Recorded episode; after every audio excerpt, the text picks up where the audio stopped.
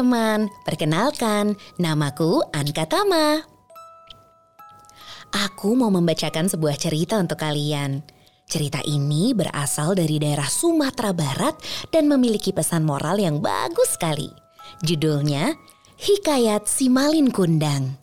Dengarkan sampai habis ya. Pada zaman dahulu, hiduplah seorang ibu bernama Mande Rubayah dan anak semata wayangnya Malin Kundang. Mereka hidup dengan sederhana di tepi pantai air manis. Saat beranjak dewasa, Malin ingin pergi merantau untuk menghidupi ibunya yang semakin tua. Hatinya sedih melihat ibu yang mulai sakit-sakitan harus terus bekerja keras. Awalnya, rencana Malin ditolak oleh ibunya. Selain tak ingin sendirian, ia teringat akan ayah Malin yang pergi merantau dan tak pernah kembali. Tapi tekad Malin rupanya sudah bulat. Ibu, izinkanlah aku pergi mencari uang supaya kita berdua bisa memiliki kehidupan yang lebih baik, bucuknya. Dengan berat hati, Mandi Rubayah memberikan restu pada putra tercintanya untuk menaiki kapal dagang dan menjadi anak buah kapal para pelaut. Itulah terakhir kali ia melihat anaknya. Hingga suatu hari, bertahun-tahun kemudian, Mandi Rubaya mendengar kabar bahwa anaknya, Malin, telah menjadi saudagar kaya raya di pulau seberang. Berkat kerja kerasnya, kini Malin adalah orang yang berhasil dan dihormati. Ia bahkan telah menikah dengan seorang putri bangsawan yang cantik sekali. Betapa senangnya hati sang ibu mendengar kesuksesan anaknya itu. Setiap hari ia pergi ke pelabuhan berharap melihat anaknya pulang. Suatu hari, ia melihat sebuah kapal besar merapat di pelabuhan. Di atasnya tampak sepasang suami istri yang berpakaian mewah. Mandi Rubaya memiliki firasat bahwa anak itu adalah Malin. Iya, anaknya. Yang sudah lama sekali tidak pulang. Ia berlari mendekati pintu kapal. Dan benar saja, saat melihat pria kaya itu dari dekat, ia semakin yakin bahwa itu Malin, anaknya. Malin, anakku, akhirnya kau pulang nak. Tidakkah kau rindu pada ibumu ini? Katanya sembari memeluk Malin. Malin terkejut. Tak menyangka ibunya akan menunggu di pelabuhan. Hampir ia membalas pelukan sang ibu.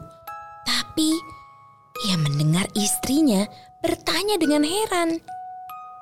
Hmm, Betulkah perempuan miskin ini adalah ibumu? Jadi kau berbohong padaku saat berkata ibumu adalah seorang bangsawan sepertiku. Raut jijik tampak terlihat jelas di wajah istri Malin saat melihat pakaian kumal mandi Rubaya. Oh, hmm, tentu saja dia bukan ibuku. Malin mendorong ibunya hingga hampir terjatuh ke tanah. Dasar wanita gila. Mana mungkin ibuku tua dan kotor sepertimu? Ujar Malin sembari membawa istrinya menjauh. Ibu Malin mengikuti mereka sambil terus memanggil. Malin anakku, ini ibu. Ibu rindu padamu nak. Malin hanya memalingkan wajah sedikit saja kepada ibunya. Ibu salah orang, katanya cepat-cepat. Saya sudah sudah pasti bukan anak ibu. Ia pun bergegas pergi bersama istrinya. Ibu Malin menangis sedih. Hatinya sangat terluka mendengar penolakan Malin. Kalau benar kau anakku, katanya. Dan kau tak mengakui aku ibumu. Biarlah kau dikutuk menjadi batu. Karena takut bertemu dengan ibunya lagi, Malin cepat-cepat menyuruh anak buahnya segera menyiapkan kapal untuk segera berlayar pergi dari pantai air manis. Namun tak lama setelah kapal berlayar, langit berubah mendung, angin bertiup kencang, dan ombak begitu tinggi. Badai yang ganas menyerang kapal Malin. Kapal megah itu hancur dan seluruh penumpangnya tenggelam. Nyawa Malin pun tak dapat diselamatkan. Tubuhnya terbawa ombak hingga ke pantai dan perlahan-lahan mengeras menjadi batu persis seperti doa ibunya.